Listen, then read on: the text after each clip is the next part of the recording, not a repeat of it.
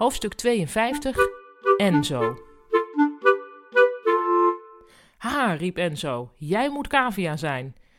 Ja, zei Cavia, en dan ben jij zeker Enzo. Ga zitten, zei hij en hij schoof haar stoel aan. Ik heb al wat antipasti voor ons besteld. Ben je Italiaans of zo? vroeg Cavia. Ik heet Enzo, zei Enzo. Cavia keek hem niet begrijpend aan. Je zei, ben je Italiaans of zo, maar ik heet Enzo, niet of zo. Hij lachte hier zelf hartelijk om.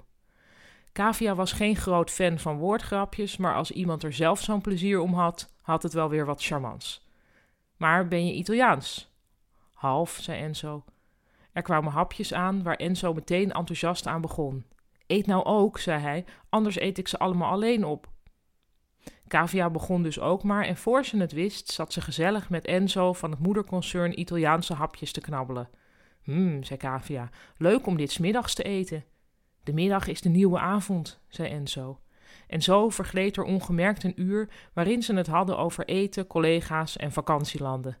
Hé, hey, maar, probeerde Cavia toch nog professioneel te doen, moeten we het nog even hebben over de gecombineerde communicatiestrategie?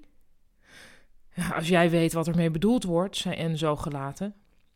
Nou, ik dacht eigenlijk dat het jouw idee was, omdat jij van het moederconcern komt. Wel nee joh, gecombineerde communicatiestrategie? Samen folders drukken of zo? Waarschijnlijk heeft de grote baas een managementboek gelezen.